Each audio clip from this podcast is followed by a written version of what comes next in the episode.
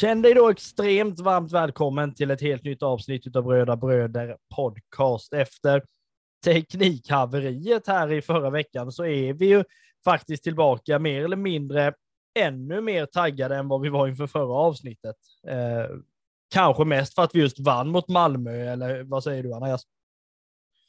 Jo, men det är klart att vi är framförallt att man eh ja, en seger är ju alltid en seger. Sen är det ju vissa segrar känns ju bättre än, än andra. Det kanske låter jättekonstigt, men det är klart att mål räknas ju, men det, jag känner att det, det ska vara våra spelare vi kan skryta över. Sen att vi får mål gratis av andra, det är, det är ju jättebra, men man kan ju göra en rolig grej av det i alla fall, att vi vi numera i vår interna skytteliga har eh, på andra plats är ju just självmål, så att något positivt är det ju. Ja, nej, men det är det ju. Alltså, det här lär vi återkomma till under det här avsnittet, det här med målskyttet och, och så vidare. Men det är ju som du säger, det är ju vin, alltså vinst är vinst, vad fan, eller vad man nu säger. Men grejen är ju den att det, det är klart att man helst av allt vill att det ska komma från egen, egen spelare, men jag kan väl känna så här, om vi hoppar in liksom i, i matchen mot Malmö eh, mer eller mindre så på en gång, så tycker väl jag att det, man märker så tydligt när man kommer till Malmö och ska spela. För det är... Det, jag vet inte vad det är. Det, det är som att man trycker på en knapp och sen liksom känns som att laget går ner sig li, lite sådär till en början. Det känns som att Malmö pressar något e-, enormt, vilket de vill göra naturligtvis. Men samtidigt så kändes det som att inledningen var väldigt virrig. Malmö har ju en hög press och Kalmar får ju helt plötsligt inte ha något större bollinnehav, vilket man är väldigt van vid att man just har. Eh, och man liksom, jag tycker att man ändå på något sätt låter Malmö spela runt. Det var väl typ det som var, var tanken egentligen med att man just sätter en fembackslinje, att eh, men Malmö ska få spela runt och sen försöker vi eh, ja, men skicka långt på kontringar sen, eller på något sätt ja, göra något liknande. För att komma ner till Malmö och tro att man liksom ska spela ut dem med ett rejält övertag i bollinnehav, det tycker jag väl är, det är ganska naivt att, att tänka så. Ja, alltså jag tycker att man ska ju gå in med, med inställningen att man ska göra det så svårt som möjligt för motståndaren som möjligt, plus att man ska gå segrande ur, ur matchen Eh, varje gång. Det tycker jag är, det är helt naturligt. Men bara för att det går bra för en så ska man ju absolut inte självskriva in eh, resultatet innan matchen är slut och det tror jag att vi som Kalmar-supportrar är väldigt eh, vi är inte speciellt bortskämda med det så att säga. Men nej, jag håller med dig fullt ut. Det jag liksom känner eh, som, som är lite speciellt just när man åker ner eh, och möter Malmö, det är ju som du säger att man ska ju gå in med inställningen i varje match på att vi ska gå segrande ur det här. Jag menar, det, det är ju därför vi håller på med det här, inte för att vi ska förlora eller att man spelar för att förlora, men det är också det här att man man går nästan in med lite mer hjärna än hjärta i matcherna mot Malmö, för man vet det att kanske åtta gånger av tio, eller nu då de senaste gångerna nio, tio gånger av tio, så går man liksom förlorande ur striden när man är där nere i Malmö, för de är så fruktansvärt bra där hemma. Liksom. Det måste vi ändå kunna ge dem. Um, och då liksom att, att ändå kunna hålla 0-0 är ju liksom en bedrift. Sen tycker jag väl ändå att vissa lag, inte bara Kalmar då i premiäromgången, utan ja, men, vissa andra lag har ändå visat den här säsongen att Malmö har nu sin ja, men, säsong där de är lite sovande. Det brukar se väldigt bra ut nästan hela tiden för Malmö. De, alltså all, de, man säger ju det, allting utan eller utom ett SM-guld är liksom fiaskostämpel nästan och då har man ju extremt höga krav på sig. Men jag kan jag kan tycka det att man har visat under den här säsongen, både Kalmar FF och andra lag, att Malmö är inte omöjliga nu överhuvudtaget. Det är liksom inte spik ett på tippet när man liksom eh, åker ner till Malmö längre. Nej, men det, så är det ju verkligen och jag, jag tycker det inte är mer än rätt att alltså man ska inte ha ett, ett självskrivet resultat bara för att man möter ett, ett lag som är så pass bra som, som de är. Utan jag tycker man ska göra alltså, match av det. det jag tycker inte man ska man, man ska gå in med inställningen att antingen så blir man totalt överkörd från våran sida till exempel, eller att de bara vet att vi kommer vinna, för då, då är det ingen match, utan det, det ska vara lite spänning och precis som, som du var inne på så tycker jag att det, det är jättekul att man eh, alltså, har tagit ner dem så på jorden egentligen att ja, men resultatet är inte givet förrän matchen är slut och det gäller att kämpa i 90 minuter. För, ja, för, var, för varje lag måste man, måste man göra så. Ja, men det är ju verkligen så. Och jag, jag känner väl också det att man, man liksom gör ändå en bra första halvlek. Det är liksom, man har inte särskilt mycket chanser. Jag tycker inte Malmö är särskilt farliga heller, så att 0-0 i paus är väl ganska så, så jämnt eller så där. Sen är det ju liksom så i, i början av andra. Jag tycker ändå Malmö kommer ut väldigt bra. Man är ju alltså extremt tunga och det man har märkt med Malmö ursäkta, det man har märkt med Malmö under de senaste åren, det är just det där att när det inte går att spela sig igenom eller liksom på något sätt i djupled komma som Malmö gör, så vill man nästan gå in och bli, ja men ursäkta mig, men ett Varberg nästan, alltså gå in väldigt fysiskt och nästan lite halvgrisigt i vissa situationer istället för att nej, vi kan inte skrämma upp er med att vi har fruktansvärt bra bollrull här nu, utan då ska vi fan skrämma upp er med att vi är extremt fysiska. Och där kom ju en av de situationerna som det blev rejält liv om på sociala medier. Här kommer jag ju vara djävulens advokat fullständigt, men den här kapningen som sker på Kalle Gustafsson, där folk menar, är det gult kort överhuvudtaget? Hade det varit rött om det hade varit ja, men just en röd spelare som hade haft den? Har Malmö det så fruktansvärt mycket gratis?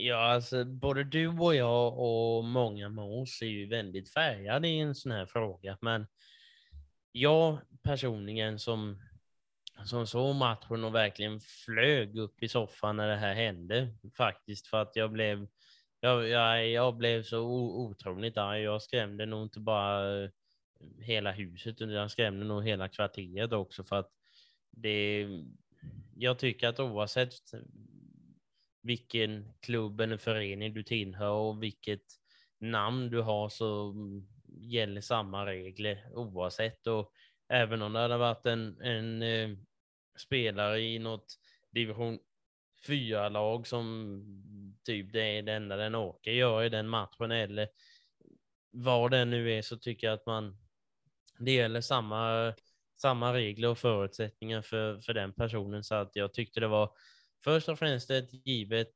eh, gult kort för, för den kapningen och framför allt, eh, om jag inte missminner mig, så var det väl en, en efterslängare på den eh, Malmö-supporten skjuter bollen på honom när han väl ligger ner. Och att det inte förstärker någonting, att det inte ens blir ett gult kort och inte ens ja, någonting överhuvudtaget som har med ett kort att göra, utan det blir att han blåser av och sen är det, är det, är det bra. Det, jag, jag blev riktigt arg när jag fick se, fick se det där. Ja, men det håller jag ju med dig om. Alltså, den situationen säger jag absolut ingenting om. Jag blir ju väldigt förvånad över att, att det inte blir en varning där. Jag menar, vi som har följt Kalmar FF ett ganska långt tag, vi kan ju bara dras till minne med matchen mellan AIK och Kalmar FF på Friends för ett antal år sedan. När liksom AIK, de ledde väl med 3-0 eller vad de gjorde och Bahoui då ska liksom ja, men trixa och hålla på och jävlas vid liksom straffområdeslinjen. Vilket gör att då den gode Nori blir ju rosenrasande och dels kapar ju Bahoui och sen då drar ju en friskträff med liksom bollen i ryggen på den här killen. Det var ju två givna gula kort där, så att jag blir väldigt förvånad över att den här situationen inte renderar i någonting egentligen. Visst, man kan tycka att eh, Berget ska liksom sopa undan bollen bara, men det är ju redan blåst. Vad ska han då där och göra? Eh, Dels kan man ju liksom tänka på det och där blev väl jag extremt irriterad också och kände bara, men hallå, vi visar väl ändå en skiva ost här då också.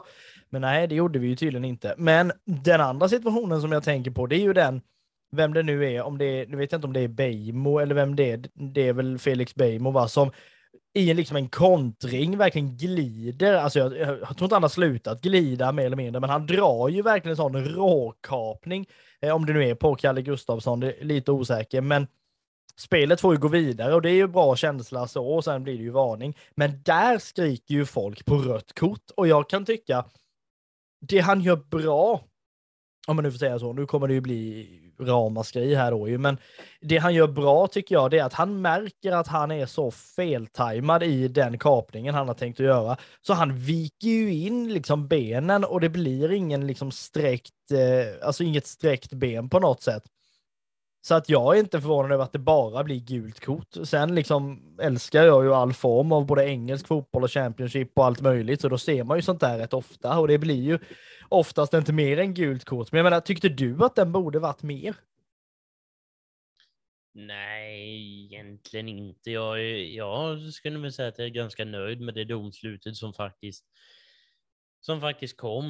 Eh, sen, ja, desto fler gånger man tittar på en sån här sak, desto mer ändrar man väl sig antagligen. Men jag tycker i så fall att det är andra situationer i den här matchen som, som förtjänar högre än, än vad den situationen gjorde.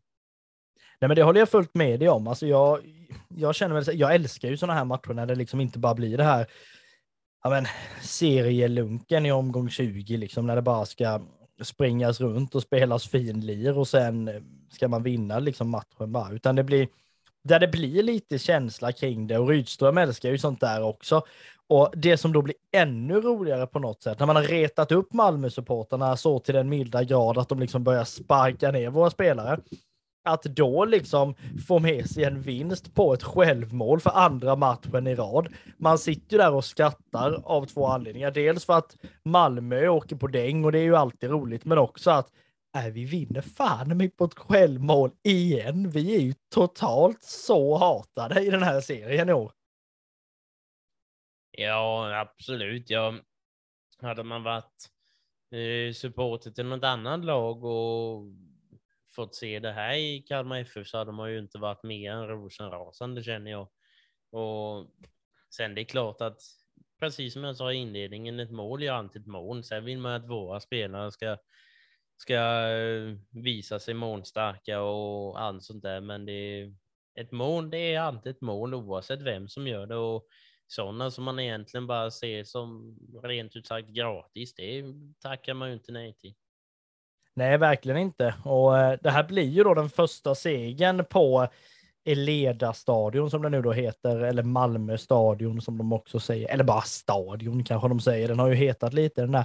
Men eh, det är ju då första segern för Kalmar FF i Malmö då sedan 2010 och det här får vi hoppas att det inte dröjer 12 år till nästa då. Men eh, en grej vi ändå måste beröra här innan vi går in på de segmenten vi brukar ha kring kring matcher som har varit så är det ju så här att eh, Nanasi är ju tillbaka då eh, i Malmö och det pratades ju om att han, eh, det märktes tydligt av att han är egentligen och möter den klubben som äger han och att han inte var att känna igen. Jag kan förstå det till viss del. Det är klart att han ägs av Malmö, han är utlånad han vet att han ska göra mål mot Malmö, men samtidigt är det ju för fan hans kompisar liksom där som han förmodligen kanske kommer spela med nästa säsong eller någonting. Så att det, det är inte konstigt att det liksom kanske sätter sig på huvudet och då kan jag väl tycka att antingen så får man väl försöka som spelare att bara bortse från det och titta väldigt liksom tunnelseende att där är målet. Det spelar ingen roll att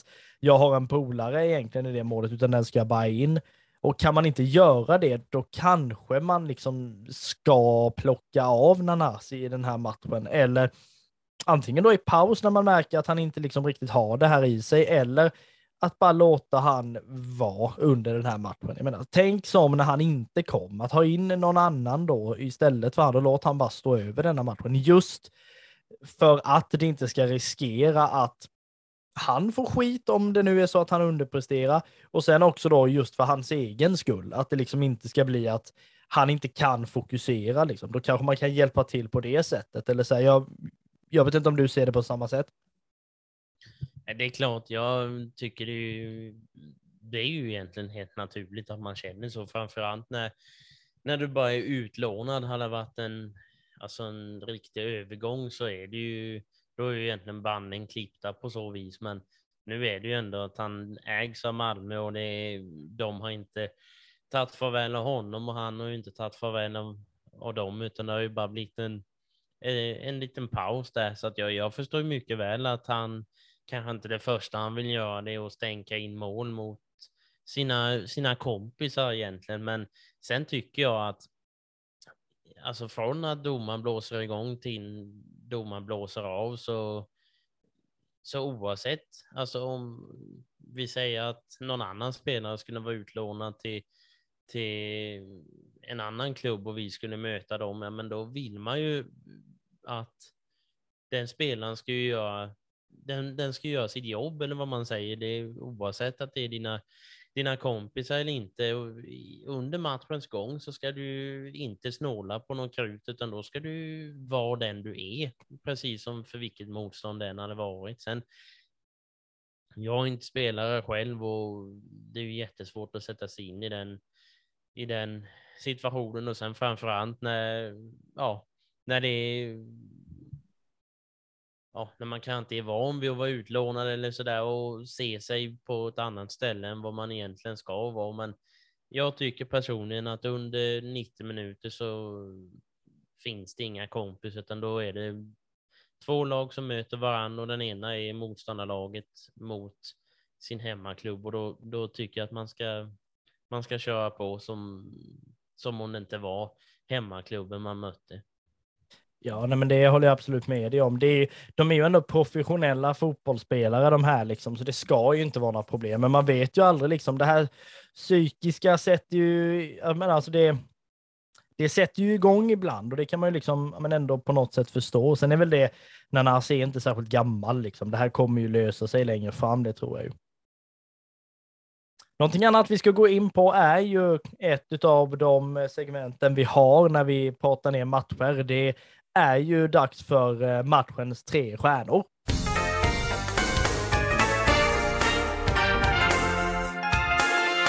Matchens tre stjärnor.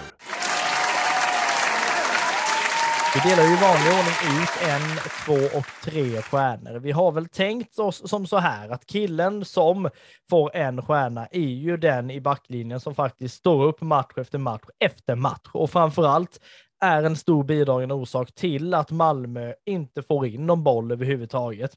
Och eh, vi väljer väl att lägga en stjärna på Lars Sätra. Den som får två stjärnor är ju han som eh, vi ändå tycker, även om han inte gör jättemycket under vissa matcher ibland, så är det liksom att han drar på sig spelare. Han är ett hot eh, ja, men hela tiden egentligen och eh, står för en väldigt bra insats i den här matchen och eh, därför så levereras två stjärnor till lagkapten Oliver Berg.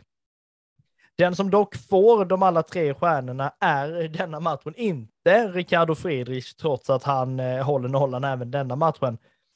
Det är faktiskt Carl Gustafsson som får tre stjärnor. Det här är en spelare som alltså, är motorn i den här matchen, är motorn på Kalmars mittfält tillsammans med Romario. Står för så fruktansvärt mycket och eh, ja, men står i våra ögon för en briljant insats. Så därför känner vi oss eh, väldigt säkra på att tre stjärnor i den här matchen går till eh, Kalle Gustafsson.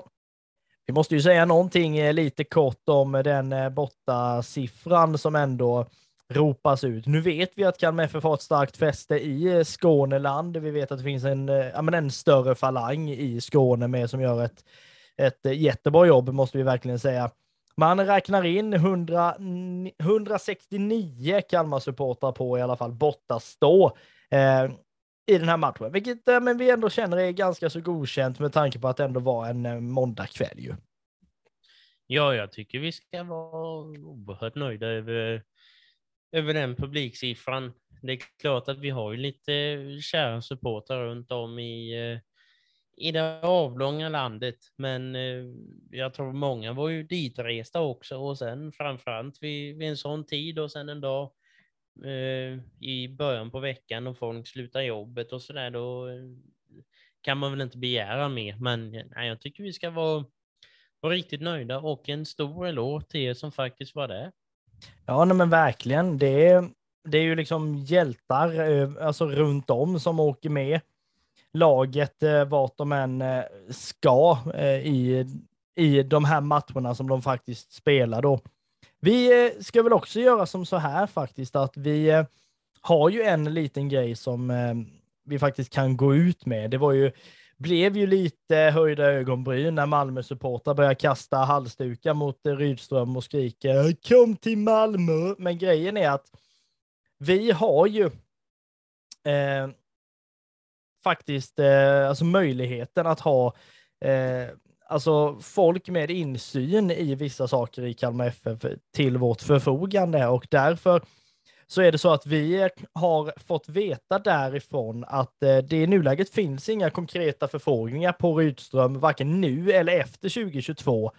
Ehm, utan det är ju så att Rydström är ju enligt de här källorna nöjd med där han är, glad i att vara i Kalmar FF och vill gärna vara med att utveckla föreningen och ta nästa steg, vilket vi förmodar då är en Europaplats och att spela i Europa med Kalmar FF. För det här är ju alltså någonting som ändå gör att axlarna åker ner lite smått och ändå att ja, men, han ska ingenstans.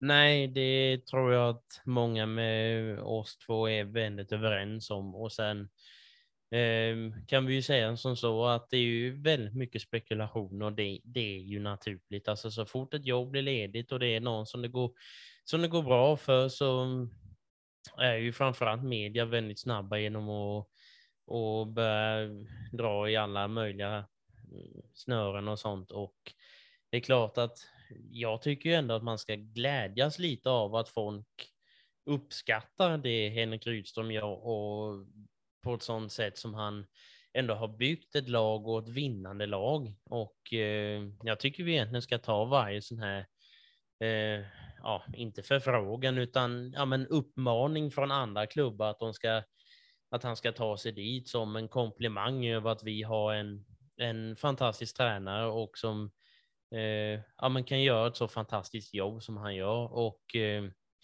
ja, men det är klart att det blir mycket spekulationer om sådana här saker, men eh, och inte säga för mycket så de här källorna är väldigt starka och säkra så att för den sakens skull så ska vi vara väldigt lugna över, över det beskedet.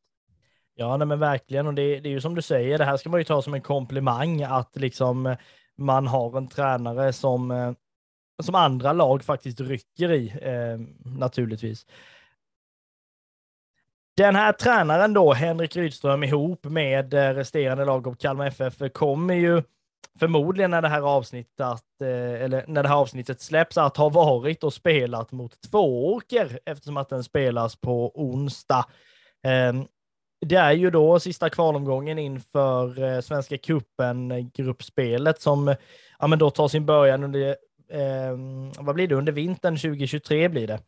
Man möter ju då två åker och lite kort info kring dem är ju att de ligger på åttonde plats i eh, division 1 södra. Man spelade senast mot IFK Malmö och spelade 2-2 inför 71 pass. Det är ju lite lagom eh, siffra kan man ju tycka. Eh, man har ändå en eh, rätt så vass målskytt faktiskt i Rasmus Andersson som har stått för åtta mål. Det här kan ju nu ska vi inte överhuvudtaget ropa hej förrän vi har hoppat över bäcken som det heter här, för det här har vi varit med om tidigare. Man har åkt iväg till Tjotahejti och åkt hem med noll poäng och inget kuppspel, så det här ska vi ju inte vara säkra på överhuvudtaget. Nej, absolut inte. Och jag tycker inte att bara för att vi möter ett, ja, ett riktigt brödknäckargäng så ska vi ju inte ropa hej förrän vi ser att vi har vunnit matchen. För precis som du sa, vi har varit med förut och är egentligen inte jättebortskämda kanske. Så att vi, även att man kanske i sin egen lilla bok har skrivit eh, 30 poäng istället för 3 poäng innan ens det är onsdag, så ska man absolut inte underskatta ett sånt här lag.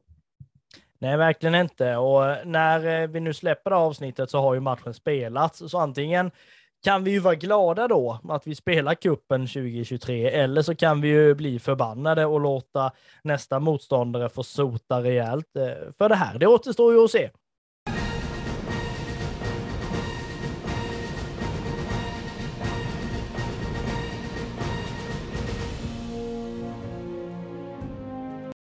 Vi vill uppmärksamma dig som lyssnar på att Röda Bröder har öppnat en webbutik. Det är eh, i samarbete med Spreadshop detta. I vår webbutik så finns det alla möjliga artiklar. Det är kepsar, det är tröjor, det är hoodies, det är eh, barnkläder, you name it mer eller mindre. Det här uppskattas ju väldigt mycket verkar det som då det ramlar in beställningar lite här och var och vi blir väldigt glada när det är så att ni dels tycker om det vi gör och samtidigt också men, är med och stöttar vårt arbete med dels podden och dels med Svenska fans-sidan. Och är det någonting som gjorde mig extremt glad så var det att se en Röda Bröder-tröja på Bottastå i Malmö. Du som hade det, en extrem shout-out till dig, vem du nu än var faktiskt. Ni som inte har varit inne och tittat där, gå jättegärna in och botanisera kring våra grejer. Och kanske hittar du någonting som eh, ja, men passar dig.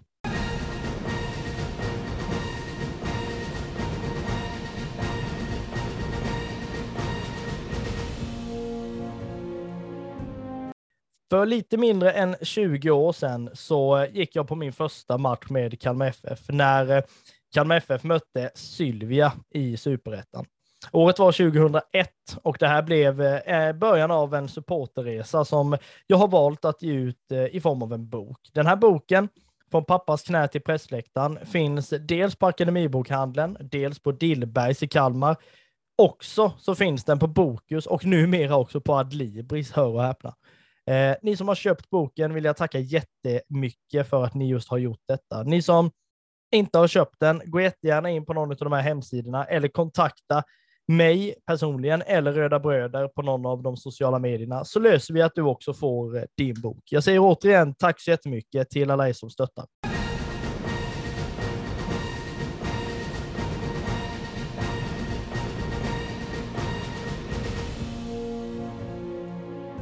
Det laget som förmodligen eh, kommer antingen att få dansa vidare med Kalmar FF efter att man har vunnit då mot Tvååker eller får sota efter förlusten mot Tvååker är ju då rest, nästa kryssgäng då, det är ju Varberg.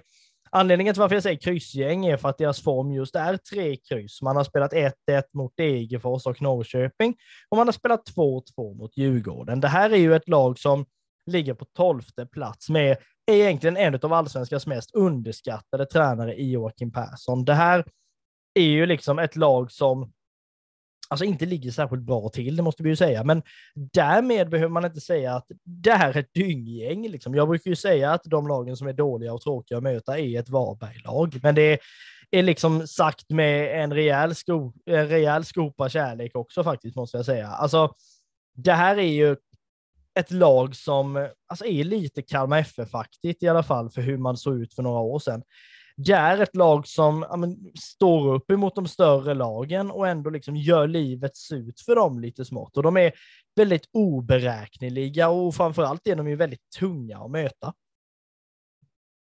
Absolut, jag håller med fullt i det du säger och eh, sen känner väl jag lite så att de lagen som egentligen ligger på den här placeringen eh, som egentligen krigar för sin överlevnad. Det ska man absolut inte underskatta, för precis som jag sa att de krigar för sin överlevnad kommer de göra för att ta varenda poäng de, de kommer åt och då ska man absolut inte som, som motståndarlag komma ner dit och tro att man har vunnit bara för att de ligger eh, ja, precis vid, vid kvarnsträcket i princip så ska man absolut inte göra det utan då gäller det att man tar det på samma allvar som vilken match som helst eftersom att de just kommer att gå ut aggressivare än någonsin eftersom att de mm, Ja, de måste ju ha varje poäng de kan få och då tror jag absolut inte att de släpper någon växel utan de kommer gasa på ordentligt och då får man absolut inte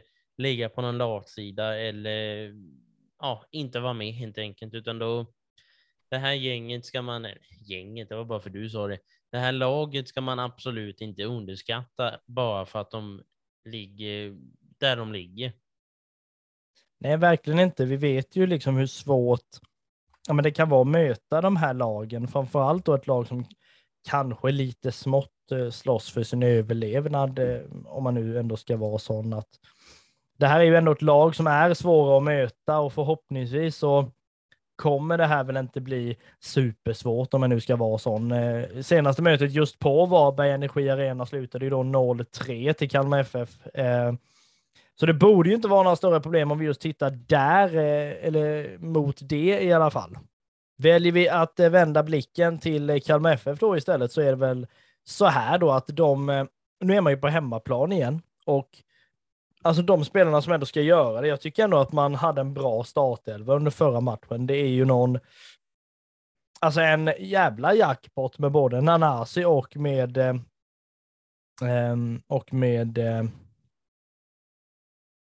och med Karlsson då naturligtvis. Eh, vilket då gör att jag tycker ändå att mittfältet faktiskt ser väldigt bra ut, både med Karlsson, Gustafsson och eh, Romario. Men sen är väl frågan om Nanasi, Skrabb och Berg, om de är självskrivna där. För vad fan händer med Netabay? Vad ska vi stoppa in han då? Ja, jag tycker vi trycker in han någonstans så vi får med han också, för jag tycker han... Det, det är ju ett jävla energiknippe det där, alltså utan dess like tycker jag. Så att vill man ha fart och fläkt i spelet, då ska Netta bara in. Det kan man nästan skriva som ett citat tycker jag. Ja, det tycker jag nästan också där. Men grejen är också så här att den här matchen lär ju bli ganska tung. Eh, ja, men har jag liksom känslan av. Sen är man ju som sagt, man är på hemmaplan. Det kan ju vara att man kör över Varberg fullständigt och att man är så bra där hemma. Men har vi liksom har vi någonting som vi ändå känner att vi bör vara oroliga kring när det gäller Varberg?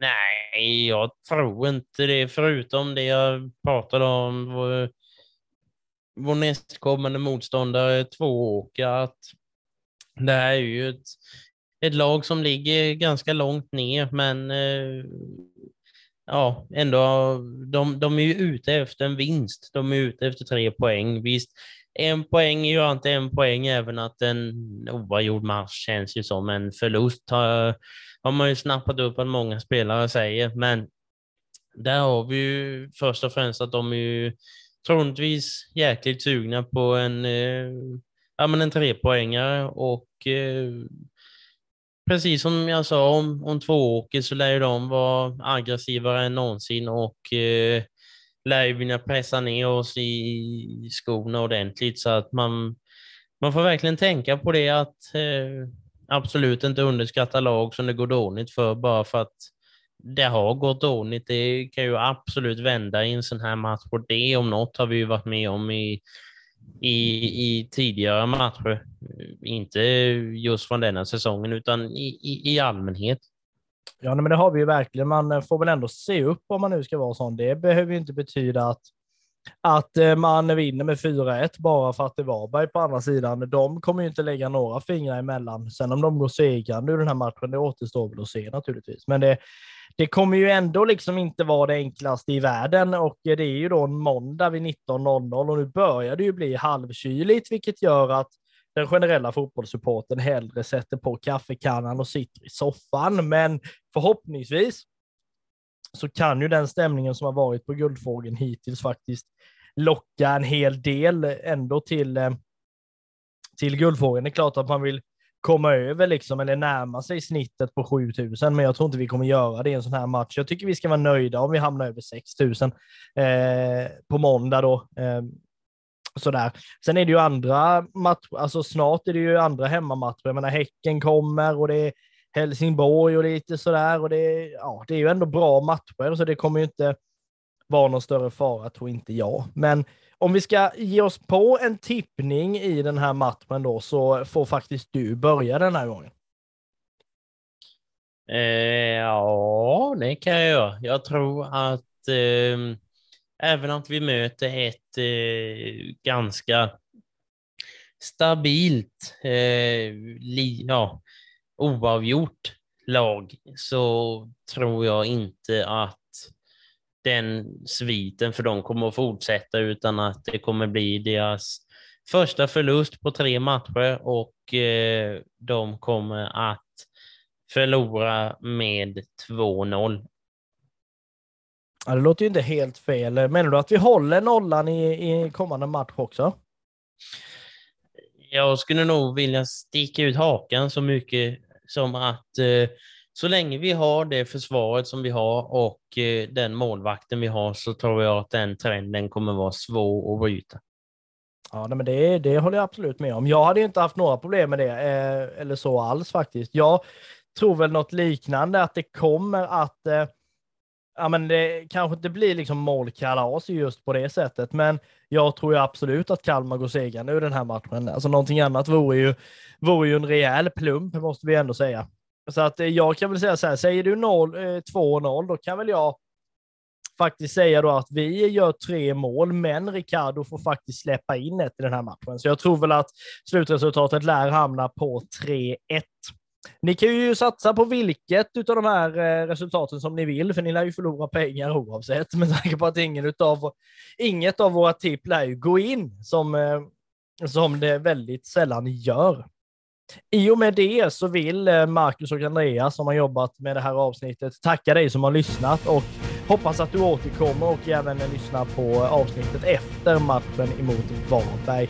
Vi eh, kommer förhoppningsvis landa i en segerpodd efter den matchen då man förhoppningsvis har vunnit mot Varberg på Guldfågeln Arena. In och köp plåtar för det här kan bli någonting att se verkligen en måndag när mörkret smyger sig på. Men någonting som alltid är ljuset i tunneln så är det ju Röda Bröder Podcast. Vi är supporterpodden av Smålands stolthet. Vi hörs vidare.